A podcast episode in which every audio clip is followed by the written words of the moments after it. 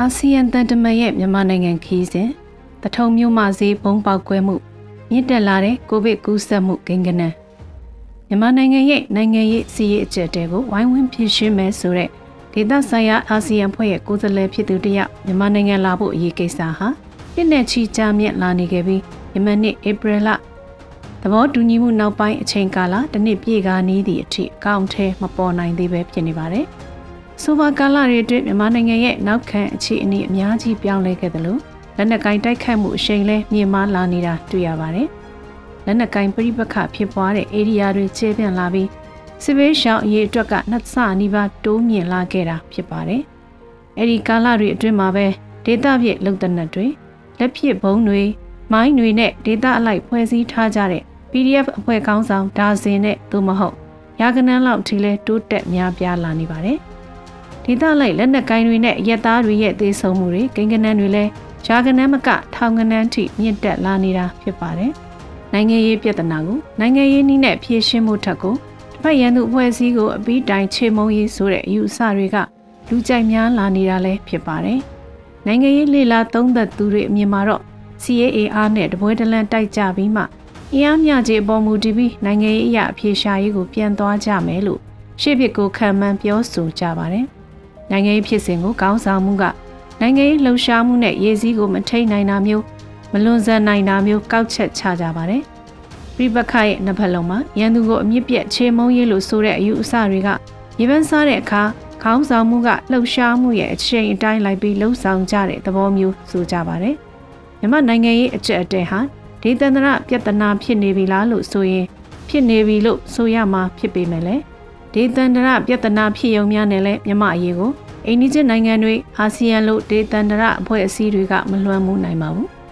လက်နက်ကိုင်အဖွဲ့အစည်းတွေရဲ့ရက်တီရဲ့အချို့သောခေါင်းဆောင်တွေရဲ့သွာလာလှုပ်ရှားမှုအဖွဲ့ရဲ့ငွေကြေးအရေးအမြင့်စတာတွေလက်နက်ကိုင်အထောက်အပံ့စတဲ့ကိစ္စရက်တွေမှာသာအကန့်အသတ်နဲ့ဩဇာရှိတာဖြစ်ပါတယ်တရုတ်နိုင်ငံထိုင်းနိုင်ငံအိန္ဒိယနိုင်ငံတို့အနေနဲ့မြန်မာနိုင်ငံရေးအကျက်အတဲမှာအတိုင်းအတာတစ်ခုထိပဲဩဇာရှိနိုင်ပြီး မြန်မာစစ်ကောင်ဆောင်တွေကိုရောအတိုက်ခံလက်နက်ကိုင်အဖွဲ့အစည်းတွေကိုပါဖြစ်စေခြင်းနဲ့လမ်းကြောင်းကိုရှောက်ကြဖို့ဖိအားပေးနိုင်တဲ့အနေအထားမှာမရှိကြပါဘူးဒီလိုနဲ့အာဆီယံကမြန်မာနိုင်ငံအနေနဲ့အနည်းဆက်ဆုံးဒေသန္တရအဖွဲ့ဖြစ်တာကြောင့်တကြောင်လက်ရှိအချိန်ထိအဖွဲ့ဝင်ဖြစ်နေပြီးရှစ်တောင်အာရှဒေသမှာနိုင်ငံရေးအရာတန်တမာရေးအရာနဲ့စီးပွားရေးပူးပေါင်းဆောင်ရွက်မှုအရာတစ်ခုတည်းသောအဖွဲ့အစည်းဖြစ်တာကြောင့်အာဆီယံကနေလှုပ်ဆောင်ခြင်းဟာတနိုင်ငံချင်းစူးစမ်းတာထက် တရားဆုံးဖြစ်မယ်လို့နိုင်ငံအများစုကလက်ခံထားကြတာဖြစ်ပါတယ်။ကုလသမဂ္ဂလို့ဖွဲ့စည်းကလူသားချင်းစာနာထောက်ထားမှုအကူအညီဆိုင်ရာကိစ္စတွေထပ်ပိုပြီးနိုင်ငံရေးအကြောင်းဝင်နိုင်တဲ့အနေအထားမရှိတာလဲတွေ့ရမှာဖြစ်ပါတယ်။ချုံဆိုရရင်မြမနိုင်ငံရေးအကြက်တဲမှာနိုင်ငံတကာရဲ့အကျိုးပဲမှုဟာဒုတိယတတိယအနေအထားသာဖြစ်ပြီးမြန်မာနိုင်ငံတွင်းကနိုင်ငံရေးစီးရေးအဖွဲ့အစည်းတွေရဲ့ဆုံးဖြတ်မှုအမျှော်မြင်ကသာလျှင်ပထမအရေးပါတယ်လို့ဆိုရမှာဖြစ်ပြီး မဝေးသောအနာဂတ်မှာဖြစ်လာမယ့်အကျိုးအကြောင်းအဆိုးအကောင်းတွေဟာပြည်တွင်းကအင်အားစုတွေပေါ်မှာသာမူတည်တယ်လို့ဆိုရလိမ့်မှာဖြစ်ပါတယ်။ဒီနေ့သတင်းတွေထဲကသတင်းတစ်ပုဒ်ကတော့ဖေဖော်ဝါရီ18ရက်နေ့ကမွန်ပြည်နယ်တထုံမြို့မြို့မဈေးမှာဈေးကောင်းရုံငန်းကိုဒေသကာကွယ်ရေးတပ်ဖွဲ့တွေကပုံခွဲရမှာဈေးကောင်းရုံပျက်စီးခဲ့တယ်လို့အခြားဆက်ဆက်နေတဲ့ဆိုင်ငန်း20လောက်ပါပျက်စီးခဲ့ပြီးလူ10ဦးကနေရာရခဲ့တယ်လို့သတင်းတွေမှာဖော်ပြကြပါတယ်။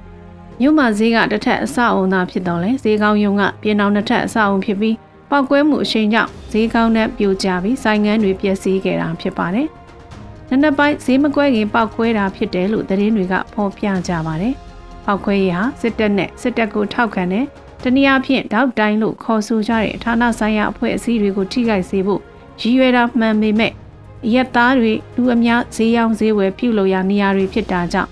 ဘလိုအပ်ဖဲလူထိခိုက်မှုစားဝင်နေရေးလောက်ကင်မှုတွေအပေါ်ပါထိခိုက်စေနိုင်တာနဲ့သတိပြုတင်တယ်လို့မြင်ပါတယ်။စီးရေးပြစ်မှတ်တွေလက်နက်ကိုင်အဖွဲ့အစည်းတွေရဲ့စခန်းအင်အားစတာတွေကိုအဓိကပြစ်မှတ်ထားသည်မီရက်သားတွေစီရီယမလုပ်တဲ့ဝန်ထမ်းတွေကိုပြစ်မှတ်ထားခြင်းကရေရှည်မှစီးရုံမှုကိုကြဆင်းစေနိုင်တာလဲသတိပြုတင်ပါတယ်။နောက်ထပ်သတင်းအကြောင်းအရာတစ်ခုကတော့မြန်မာနိုင်ငံမှာကိုဗစ်ကူးစက်မှုကဆက်လက်မြင့်တက်နေဆဲဖြစ်တာတွေ့ရပြီး စစ်ကောင်စီရဲ့ကျန်းမာရေးဝန်ကြီးဌာနထုတ်ပြန်ချက်အရပင်လျင်တရက်တာတွင်ကူးစက်ခံရသူ3000ကျော်ရှိလာတာဖြစ်ပါတယ်။လက်တွေ့မှာတော့စီးရင်ထဲမဝင်တဲ့ကူးစက်မှုနောက်ထပ်3ဆကနေ5ဆမကရှိနိုင်ပြီးကျန်းမာရေးစောင့်ရှောက်မှုစနစ်ကမလွှမ်းခြုံနိုင်တော့တဲ့မြန်မာနိုင်ငံမှာမိမိနီးလန်းနဲ့မိမိကုသနေထိုင်ကြရတာဖြစ်ပါတယ်။ရန်ကုန်မြို့မန္တလေးမြို့တွေမှာအရင်ဇူလိုင်လနဲ့ဩဂုတ်လတွေလို့သေဆုံးမှုမရှိပေမဲ့ကူးစက်ခံရသူအရေးအတွက်က အရင်တတိယလိုင်းထက်များပြားတာကိုခံမှန်းသိရှိနိုင်ပါတယ်။ခုတစ်ချိန်ကူးစက်တဲ့ virus မျိုးကွဲရဲ့ပြင်းထန်မှုမရှိခြင်းနဲ့လူရင်ရဲ့ထဝက်ခန့်ကကာကွယ်ဆေးထိုးပြီးဖြစ်နေတာကြောင့်ခုတစ်ချိန်မှာတတိယလိုင်းလိုအသေးအပြောက်များများဆဆမရှိတာကိုတွေ့ရပါတယ်။စီးပွားရေးအထိခိုက်မှုလူတွေရဲ့စူဆောင်းထားတဲ့ငွေကြေးကိုကျန်းမာရေးကုသမှုအတွက်မဖြစ်မနေသုံးစွဲရတာတွေကတော့တေချာပေါက်ရှိနေတာလည်းဖြစ်ပါတယ်။ကူးဆက်ကပ်ဘေးကမြို့တွေမှာတော့အရှိန်မြင့်ဆုံးစီရောက်နေပြီဖြစ်ပြီး နောက်ဆက်လက်ပြန့်နှံ့သွားနိုင်တာကတော့ဆေးဘေးတင်နေတဲ့ဒေသတွေလက်နက်ကိုင်းတိုက်ပွဲရှောင်နေပြီးလူစုငွေနဲ့နေကြရတဲ့စစ်ရှောင်းစခန်းတွေဖြစ်လာနိုင်ခြေရှိနေပါတယ်။အရင်တစ်ခါတတိယလိုင်းမှာလည်းရန်ကုန်မန္တလေးမြို့ကြီးတွေကူးဆက်ပြန့်နှံ့မှုအပြီးသတင်းပတ်တွေလတွေမှာနေမြို့တွေမှာဆက်လက်ဖြစ်ပွားခဲ့တဲ့တာရကမျိုးရှိခဲ့တာဖြစ်ပါတယ်။နူရဝဲဆွဲလဲရတခိုးတောင်ဆိုတဲ့စကားပုံလိုစစ်ဘေးရှောင်နေရတဲ့စခန်းတွေမှာကူးဆက်ယောဂပြန့်နှံ့လာအောင်မဲ့အရေး ကြိုတင်တွေးစားပြီးပြင်ဆင်ထားဖို့လိုအပ်မှလည်းဖြစ်ပါတယ်ရှင်။